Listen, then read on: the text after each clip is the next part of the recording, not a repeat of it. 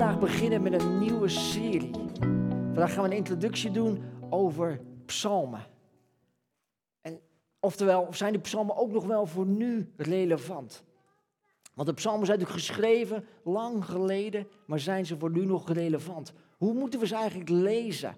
Hoe moeten we ze interpreteren? Hoe kunnen we ze in ons leven, in ons dagelijks leven toepassen? En daar gaan we vandaag mee beginnen. En ik zal een, een korte introductie doen over het boek Psalmen. En daarna zal ik samen met Oscar en Kostiaan en David en Tom, die komen er dan bij. En dan gaan we met z'n vieren, met z'n vijven, gaan we een gesprek voeren over het boek Psalmen. Dan gaan we elkaar vragen stellen, maar we vinden het ook leuk om vragen van jullie te krijgen. Dus zit je thuis, geef je vraag door via de chat. Ben je hier in de zaal, kun je gewoon lekker je hand omhoog steken. Dan vinden we het geweldig om je vraag te gaan horen en dan met elkaar erover na te gaan denken. Want de psalmen zijn waanzinnig. Het zijn natuurlijk 150 psalmen en liederen en gedichten. En het mooie is dat deze 150 psalmen geschreven zijn, zo'n 600 jaar, of in, in een tijdsframe van zo'n 600 jaar, door verschillende schrijvers. Uiteraard weten we natuurlijk dat David heeft er meer dan de helft geschreven. Eh, van een ander groot deel weten we wie de schrijvers zijn, maar van een stuk of 50 weten we geen eens wie ze geschreven hebben. Maar het mooie is van de schrijvers, van wat ze gedaan hebben, is dat ze hun, hun geloofservaringen, hun belevingen, hun ups en downs die ze hadden in hun leven opgeschreven hebben. En die uiteindelijk in het boek Psalmen terecht zijn gekomen. En we zien, we zien dat in die, al in die 600 jaar tijd dat ze geschreven zijn, dat al deze psalmen steeds meer en meer een onderdeel werden van de cultuur, van de Joodse cultuur, van de Joodse gemeenschap. In hun, in hun opleidingen, in hun diensten die ze hadden. Ze werden steeds, namen steeds groter deel in van hun dagelijks leven. En uiteindelijk is de, het Bijbelboek Psalmen is zo ongeveer zo'n 150 à 200 jaar voor Christus definitief ontstaan. Dus in de tijd van Jezus en zijn discipelen hadden zij al het boek Psalmen zoals wij dat nu ook kennen. Het werd steeds meer en meer gebundeld. Alle psalmen werden bij elkaar samengevoegd. En uiteindelijk ontstonden er vijf bundels.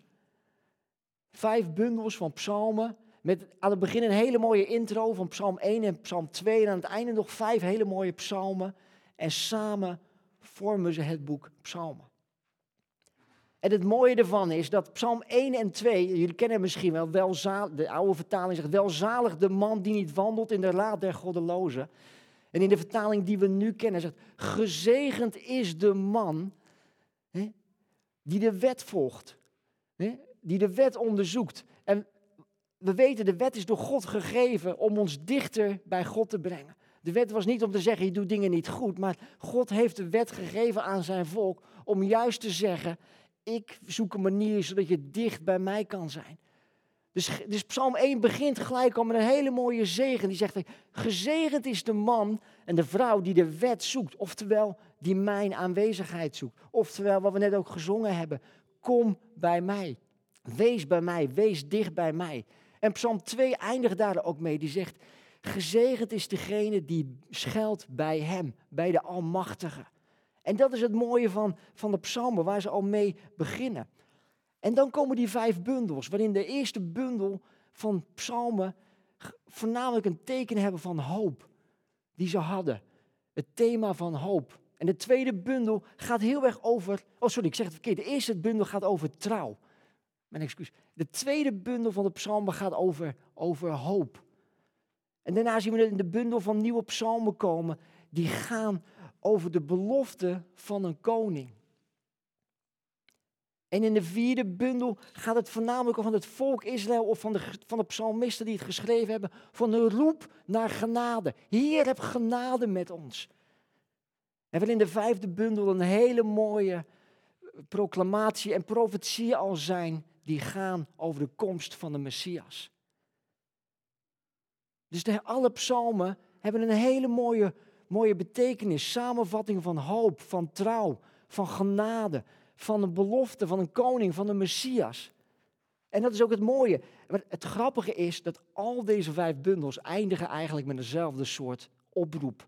Dezelfde soort dankzegging, dezelfde soort gebed. Psalm 41, ik zal hem even voorlezen. Het het laatste vers van Psalm 41. Geprezen zij de Heer, de God van Israël, van eeuwigheid tot eeuwigheid. Amen. Amen. Psalm 72. Geprezen zijn zijn luisterrijke naam voor eeuwig. Mogen zijn, laat, eh, mogen zijn luister heel de aarde vervullen. Amen. Amen. Eindigt het vers mee. En in Psalm 89, de derde bundel, eindigt met Geprezen zij de Heer in eeuwigheid. Amen. Amen. En dan Psalm 106, bundel 4. Geprezen zij de Heer, de God van Israël, van eeuwigheid tot eeuwigheid. Laat het volk antwoorden, Amen. En Psalm 145, de laatste van die, van die bundels. Laat zo mijn mond de lof spreken van de Heer. En alles wat leeft zijn heilige naam prijzen. Tot in eeuwigheid. En het, en het koor zei? Ja, nee dus. Die staat er dus niet in daar zo. Dus de enige die dus niet eindigt met amen. Maar toch bedankt voor je betrokkenheid. Maar oftewel, ze wilden dat niet afsluiten op Psalm 145, want ze wilden juist verder kijken.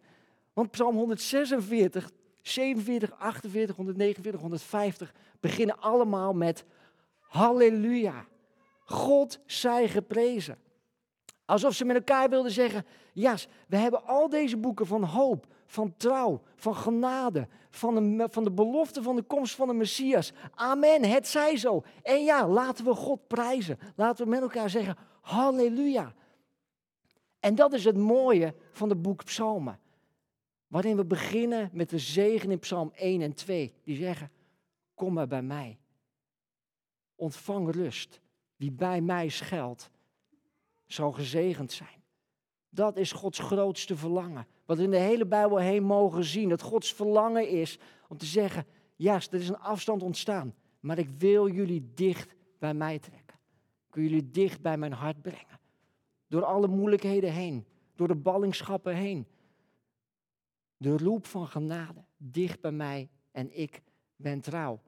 En dat ze allemaal konden zeggen door hun ups en downs, door hun moeilijkheden heen, maar ik wil God prijzen. Dat is het verlangen van de psalmisten. Dat is wat zij geschreven hebben. Dus we mogen de psalmen als een individu, individuele psalmen lezen, mogen eruit bemoedigd worden. We mogen daarvan leren.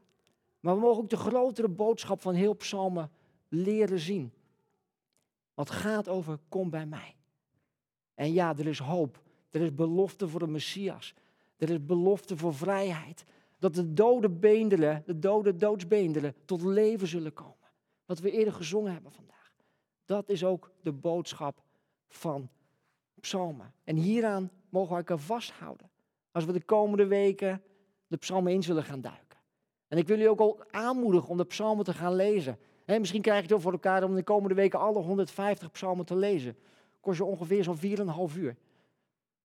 Dus elke week 1 uur. Je hebt alle psalmen gelezen. Om de diepere betekenis, de grotere boodschap te zien. Waarin het Gods verlangen is, kom bij mij.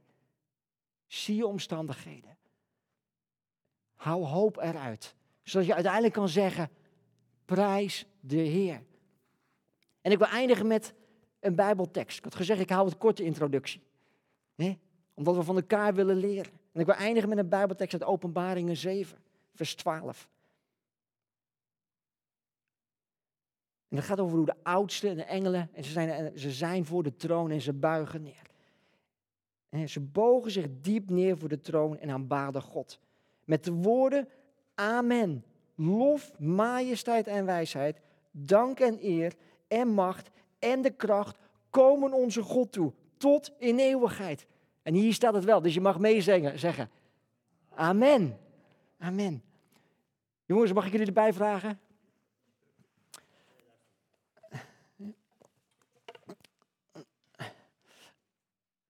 Mocht je dus een vraag al hebben, zet hem in de chat.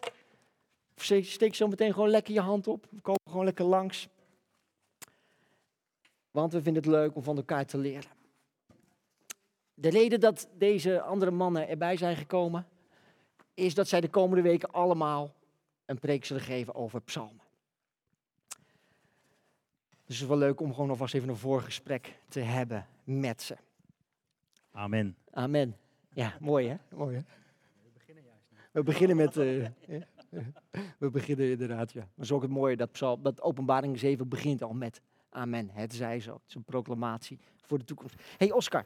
ehm, uiteraard, we hebben wat vragen van tevoren bedacht. eh, zodat we wat leuke dingen hebben. Ehm, voor jou, eh, hoe gaven de Israëlieten uiting aan hun aanbidding eigenlijk voordat de psalmen er waren? Voor de psalmen. Goeie, Ja. mooie. Mooie vraag, Marcel. Ja. Thanks. Ehm, nou, een van de psalmen is natuurlijk ook eh, eh, door, door Mozes geschreven. Ehm, dus zingen was niet onbekend natuurlijk Nee. al in, in, eh, in het vroege begin.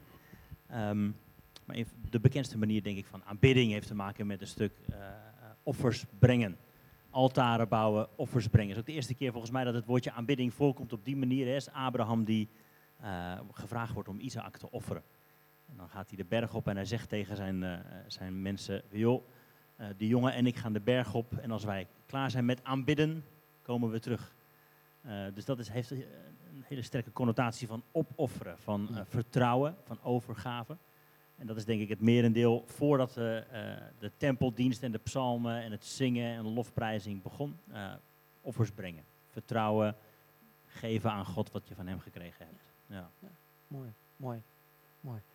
Want we zien natuurlijk, hè, nou ja, dat was voordat de psalmen er waren. De psalmen waren er voornamelijk ook voor het Joodse volk om van te leren. Hoe, hoe, hoe relevant zijn ze voor nu dan nog, Tom?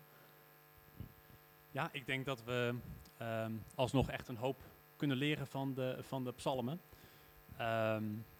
Eén ding ligt denk ik ook in de hele oorsprong van de psalmen. Je had er al iets over eh, gemeld ook. Hè? Het zijn vijf verschillende boeken die zijn samengesteld. En eh, voor mij was het dan ergens tijdens de Babylonische ballingschap dat ze echt veel daarvan hebben gebundeld omdat ze ze nodig hadden in die tijd. Ze hadden geen tempel meer. Ja. Dat was de plek om God te ontmoeten. Die was weg, die was verwoest. Eh, en in die zin was het een soort van gebedsboek geworden. En wat je dan dus ook zei van ehm, eh, Psalm 1, dat dat een hele, hele mooie inleiding is, ook in ehm, wat dat boek van die, van die psalmen allemaal kan zijn. Gezegend hij die mediteert op de voorschriften van God. Dat is denk ik nog steeds zo super relevant ook. De tijd blijven nemen om Gods richtlijnen tot je te nemen. Dan moeten we niet denken van, oh ja, maar dat, dat was de wet van God in het Oude Testament. Dat is over nu. Ehm, maar we hebben natuurlijk nog steeds de richtlijnen van God. Misschien in een net iets andere vorm.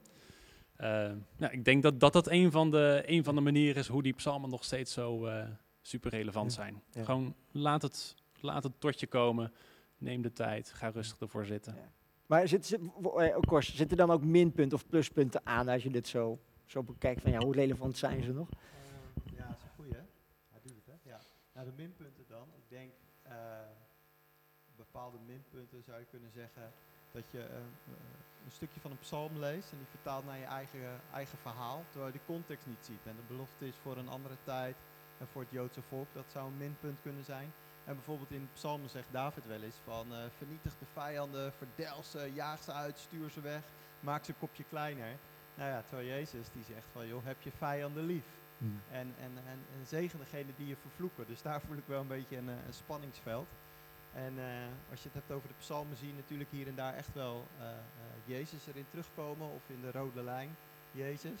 Maar toen, ik ben traditioneel opgevoed en zong ik altijd de psalmen. En toen ging ik opeens naar een evangelische kerk en toen werd er echt gezongen over Jezus. En dat vond ik echt wel een, eh, echt heel direct, heel eh, duidelijk. Dat vond ik wel een pluspunt ten opzichte van enkel alleen de psalmen zingen. Maar eh, je hebt het over David, die, die heeft natuurlijk eh 79 geschreven of zo, waarvan we weten dat hij, dat hij ze geschreven heeft. Is het, is het helpvol om, om het godsbeeld van David, of ook dat, dat beeld van God vast te houden? Gods beeld wat David heeft. Ja. Ja, ja die zei het al inderdaad. Ja, maak ze kapot, eh, sla hun kinderen tegen de rotsen. Ja, dat is niet mijn God. dat is niet het volgende lied wat we gaan zingen. Ik denk dat mijn kinderen ook blij zijn Ehm. dat, dat ik heb diezelfde God. Nee. Maar wat, wat je er wel van kunt leren is dat het godsbeeld van David was dus blijkbaar... God is iemand tegen wie je alles kunt zeggen. tegen wie je kunt zeggen, dit is hoe ik me voel. Dit is eigenlijk wat ik het liefste wil. Ook al komt het misschien niet overeen met de, de perfecte theologie. Eh, maar in die zin eh, is dat een fantastisch godsbeeld natuurlijk. God is mijn vader, tegen wie ik alles mag zeggen. Zo voel ik me en ik gooi het eruit ook. Dat is iets wat ik mag leren, absoluut. Ehm, ik denk dat het ook wel herkenbaar is dat niet het- alle psalmen hebben niet hetzelfde godsbeeld, zeg maar. Eh, sommige psalmen zijn iets meer wraakpsalmen, andere, hè, zeker de laatste vijf. Psalm 145 bijvoorbeeld, waar ik het over ga hebben over een paar weekjes. Eh, dat is echt een lofprijspsalm die God ziet als een goede God, die voor iedereen goed is. Eh, zelfs voor je vijanden, weet je wel. Dus dat is eh, ja, een heel ander godsbeeld wat je daarvan krijgt. Maar dat neem ik ervan mee. God is iemand tegen wie je alles mag zeggen. Dit is hoe ik me voel en ik gooi het eruit ook. Ja. Ja. Dus in die zin mag je dat godsbeeld zeker, ja, kun je daar wat van leren. Ja. Ja. Mooi. mooi. Hoe, pas jij ze toe voor je dagelijks leven, David? Mooi. Kijk, eh, eh, hoe ik ze lees is eh, dat, dat ik iets zie van de, de intieme eh, relatie die David of de psalmist eh, eh, die hem geschreven heeft, heeft. En echt op een he- hele intieme, poëtische manier verwoord. En daar lees ik iets van die relatie. En da- daar, dat doet ook naar meer verlangen voor mijn eigen relatie Hm. met God. En daarnaast zijn er ook, nou, een voorbeeld is Psalm 13, daar waar ik het over ga hebben. Dat is een klaagpsalm. En die is heel eh, toepasselijk en, en verwoordt eigenlijk heel mooi je gevoel als je midden in de penarie zit. Als je gewoon alles tegen zit Hm. en je eh, echt het gevoel hebt, ja heer, waarom verlaat u, of waarom is uw gezicht verborgen voor mij? Hm. En waarom verlaat u mij? Hm. En eh, nou, dat kun je soms zo voelen. En David is er heel goed in, dat zegt Oscar eigenlijk ook, om echt je hart uit te storten, uit te schreeuwen naar, ja, naar God toe. En daar woorden aan te geven. En niet soort van mooier te maken dan het is, maar gewoon zo rauw en zo eerlijk als het Ja. komt. Gewoon gooi het eruit. Hm. God is niet zo, zo bang voor de rauw, rauwe kant van jou. Ja. Dat, dat bemoedigt mij hoor. Mooi. Ja. Mooi. Het is ook wel grappig, want als je, eh, kijk, eh, ook als ik zelf lees, weet, meestal lees ik mijn Bijbel en dan lees ik ook, weet je, lees ik stil, bijna in gedachten, maar zelden dat je het echt eh, hardop uitspreekt eigenlijk. Maar zeker als je dan de psalmen gaat, gaat doen, hoe gaaf het eigenlijk is als je een psalm leest en het eigenlijk hardop uitspreekt, dan, dan ga je ook de emoties voelen of bijna, eh, weet je, een beetje van, oh ja, weet je, die klaagzang, die pijn eigenlijk die ze ervaren, dat je het ook voor jezelf kunt bedenken van, ja, oh, dat betekent het eigenlijk, om het ook in dat perspectief te kunnen, te kunnen brengen. Ja, veel van het kun je leren. Dat ook een beetje de kracht is van een psalm, de herkenning van de emoties. Want al die gasten die gooien hun emoties op tafel. Nou, ik ben niet angstig voor de Filistijnen of voor de, eh, de bizons van Bazan of wat dan ook. Maar er zijn wel andere angsten waarmee ik geconfronteerd word. En zo denk ik verschillende, eh wat het is, de, de Bijbel, eh, de psalm is internationaal. Verschillende groepen, culturen herkennen die emoties.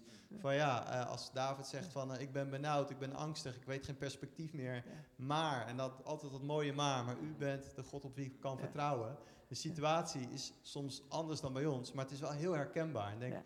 De kracht van psalmen is voor mij ook emotionele herkenning. Ja. En ook van, ik, ik vind dat zo jaloersmakend, die, die, die switch die er heel vaak in zit in die psalmen. Maar u bent mijn herder, u bent mijn vertrouweling, u bent mijn burcht, u bent Ja. mijn toren. Ja. En dat vind ik ook tof aan de psalmen. Het karakter, het wezen van God komt zo naar voren. Het komt zo verschillende aspecten, verschillende namen van God worden.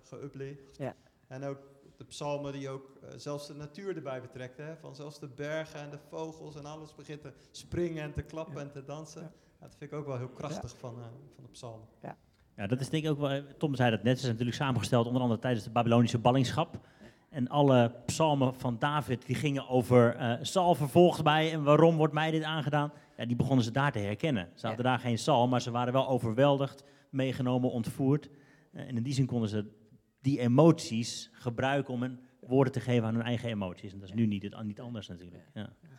Wat ik eh, zelf da- daarin ha- relateer jij eigenlijk ook aan kort. Ehm, oh. Eh, waar je aan relateert is het karakter, hoe de psalmist zich verhoudt tot zijn situatie. En dat er een soort, aan de ene kant is die rauwe klacht en aan de andere kant ook altijd weer dat vertrouwen. En dat vind ik heel, heel bijzonder om, eh, om dat karakter, om dat ook naast mijn eigen karakter te leggen. En te zien waar, waar het eh, bij mij vaak nog aan ontbreekt, zeg maar. Eh, dat ik zie, oh, ik had echt nog... In deze scenario's had ik echt heel anders gehandeld, maar deze psalmist kiest ervoor om trouw te blijven, om vertrouwen uit te spreken. Daar waar dat soms dus juist zo schuurt. Mhm. Nou, dat, dat, dat schuurt mijn karakter weer en dat maakt mij denk ik weer een mooie mens. Ja, wat, wat, wat ook wel, eigenlijk wel bijzonder is, dat de, de meeste psalmen zijn natuurlijk niet geschreven nadat ze door het hele proces heen gegaan zijn en daarna hebben over kunnen reflecteren voor hunzelf en het eh, hebben in het juiste perspectief hebben kunnen plaatsen. Maar het is geschreven in de, in het, in de diepst van hun, nou ja, in, in de grot waar de vijanden er buiten staan en in de diepste pijnen. En, dus, en, en toen zelfs konden ze nog wel, al wel gelijk over een stukje perspectief zien. Ja, want God is goed, laat ik daardoorheen ook God prijzen. Dat is wel, Soms zelfs een eeuwigheidsperspectief van, nou ja, ook al pakken ze me in dit leven, eh, er is een eeuwigheid, er is een ander verhaal, er is een andere realiteit wat komen gaat. Dat vind ik Ja. soms ook wel Ja. eh, heel prikkelend. het besef van het grotere plaatje, van het verhaal van God, van, ja, van, van eh, wat is het, de schepping naar het uiteindelijk eeuwige leven. En dat is ook het mooie en het prof- profetische van de psalmen die, daar, die erin ziet inderdaad. Ja, want, eh, wel grappig, ik heb die vraag niet gesteld aan jullie, of weten jullie ook niet. Weten jullie, een van jullie toevallig wat eh, eh, het middelste stukje, middelste bijbelvers van de Bijbel is? Weet een van jullie dat? Volgens mij is dat Psalm 118. En weet je nog Vertrouw, vers? vertrouw niet op mensen, maar stel je vertrouwen op God. Klopt dat? Mm, Bijna, ik weet niet welk vers het is. Het is, het is vers 22. Zo, Psalm 118, vers 22. Dat is wel grappig, want de langste psalm is Psalm 119. De kortste psalm, in de, of hoofdstuk eigenlijk in de Bijbel, is natuurlijk Psalm 117. En het middelste stukje, als je vanuit de, ehm, de originele contexten en de originele teksten gaat tellen, wat is dan het middelste Bijbelvers, is Psalm 118, vers 22. En daar staat... Niemand? Iemand? Iemand in de zaal? Nee? Amen, amen. Nee, nee, niet amen, amen. Nee, het mooie is, de steen die door de bouwers is afgekeurd, is de hoeksteen geworden. Een Oftewel... andere telling had ik. eh, Eh, Ja, ja, ja, ja, ja. de Nederlandse telling. Maar hoe mooi eigenlijk is dat als je erover nadenkt, dat het centrale Bijbelvers in de Bijbel, gewoon puur numeriek tellen, gaat over het wijzen naar Jezus Christus als hoeksteen, die steen die is afgekeurd. Dus hoe in de gebrokenheid, in de diepste ellende, dat dat het perspectief is eigenlijk al wat er geschetst wordt. Ja, dat, ik hou van dat soort dingetjes. Maar dat, eh, ja. Ja. Hey, eh, eh, Tom, hè, eh, we hebben natuurlijk wel, zijn natuurlijk een heleboel hedendaagse lessen die we kunnen leren. Welke theologie kunnen we vanuit de Oud-testamentische gedichten meenemen voor nu? Ehm, nou, misschien wel leuk om ook, ook in te haken op die emoties en de echtheid van de, van de gasten die die, die, schreven. Ehm, want daarin, wat, wat ik hierin heb, heb geleerd, als, als je de 150 psalmen in zijn totaliteit bekijkt, dan kun je inderdaad zien dat er een soort van progressie in zit. Ehm, eh, dus als je dan de, de eerste twee van die vijf boeken eh, bekijkt, dan zie je dat er, eh, dat er meer klaaggedichten in staan dan lofgedichten. En in de laatste twee van die vijf boeken zie je meer lofgedichten dan klaaggedichten. Dus als, alsof het ook een soort van teken is van al die emoties, al dat negatieve, die mogen, dat, dat mag er allemaal zijn. Je mag het uiten naar God, dat is goed. En probeer wel vervolgens ook naar voren te kijken. Eh, het gaat, gaat verder. En dat eindigt dan dus inderdaad ook weer, wat je zei, in, in die vijf laatste psalmen, die alleen maar halleluja zijn. Eh, dus ik, ik de- denk dat dat een, mooi, een, mo- een mooie les is voor ons allemaal. Om echt zo'n traject door te gaan. Je, je mag naar achteren kijken, naar wat er, wat er is gebeurd, wat allemaal naar is geweest. Naar jezelf kijken, dat, dat meditatieve. Kijk vervolgens omhoog naar God. En kijk dan naar voren. En loof hem ondanks alles wat er is gebeurd. Dus dat, dat vind ik een mooie les die je in alle 150 psalmen in zijn totaliteit eh, kunt terugvinden. Mooi. Ja. mooi. Is er misschien een vraag uit de zaal of vanuit, eh, vanuit de chat eh, binnengekomen? Vanuit de chat niets? Iemand die hier in de zaal denkt, hé, ik heb wel een eh, leuke vraag. Ja. Spreek hem even hardop uit, dan eh, zal ik hem nog herhalen.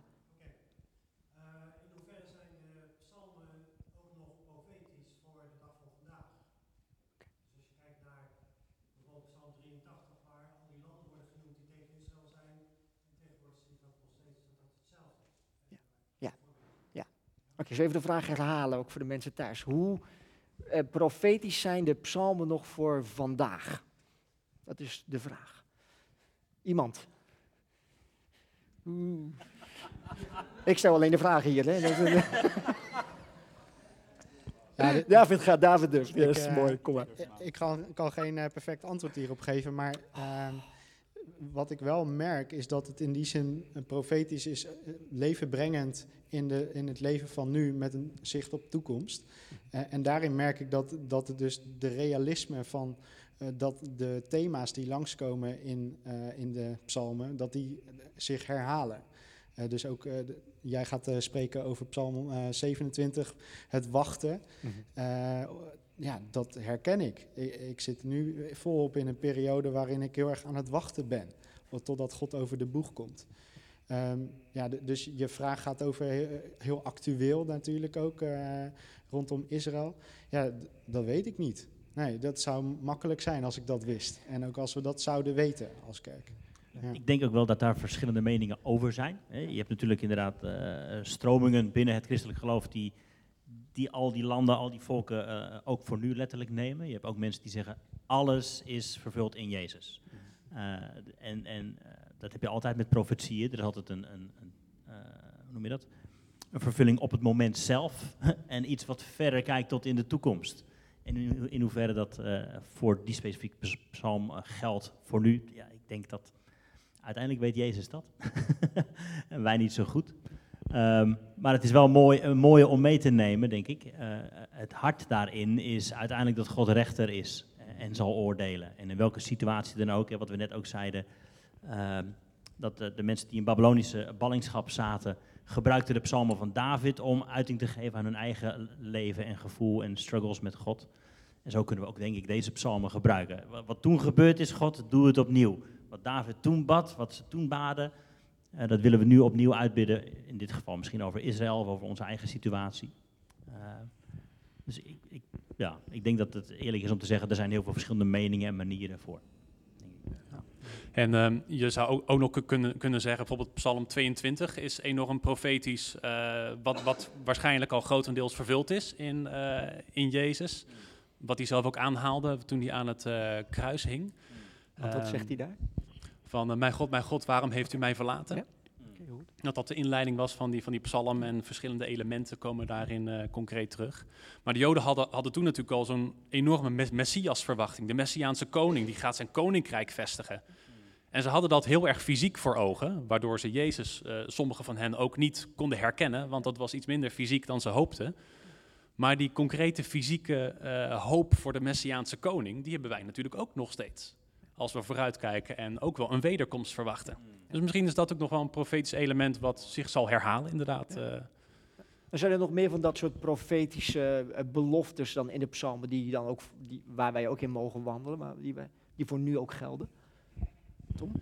Oeh, concrete profetische beloftes. Nou ja, hoor, maar, Nou, sommige mensen zullen Ja. misschien zeggen, eh, in de Bijbel staat, in de psalmen staat, tienduizenden vallen aan mijn uh, rechterhand Oh, ja, ja, enzovoort. Dus eh, voor nu overkomt mij niks. Ja. Amen. Oh, Op dat, die manier misschien, weet ik niet. Psalm 91, kan dat die Hmm. zijn? Want ehm, dat doet me wel, wel denken aan eh, de Satan die Jezus verzocht.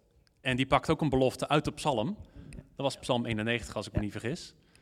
Van Ja, spring dan van de tempel af, want er staat geschreven... De engelen eh, zullen jou dragen en je zal je voet niet stoten aan de steen. ja. En ik denk dat dit geniaal is wat Jezus' reactie was. Ja. Maar er staat ook geschreven. ja. En dat is in feite denk ik zo met alle beloften.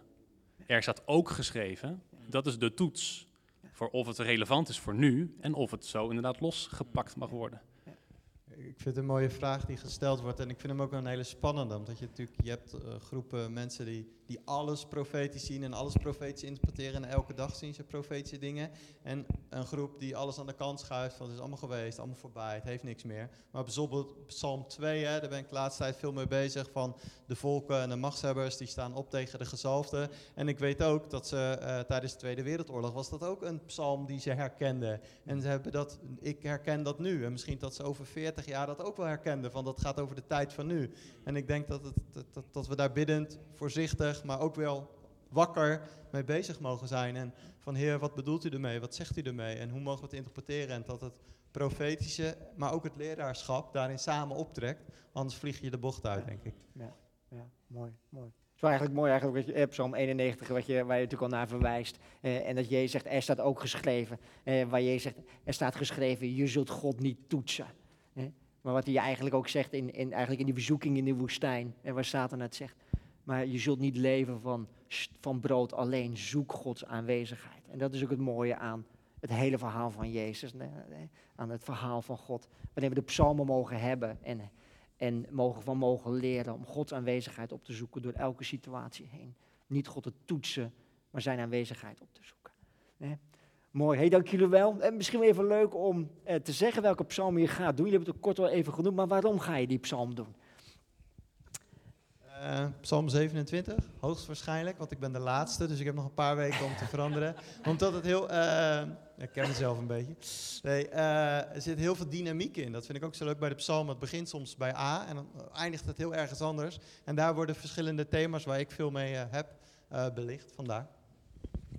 Ik ga voor de psalm met de minste dynamiek. Dat vind ik leuk. nee, dat is komende week. Psalm 119. Heel veel herhaling zit erin. Maar ik vind het een geweldige psalm.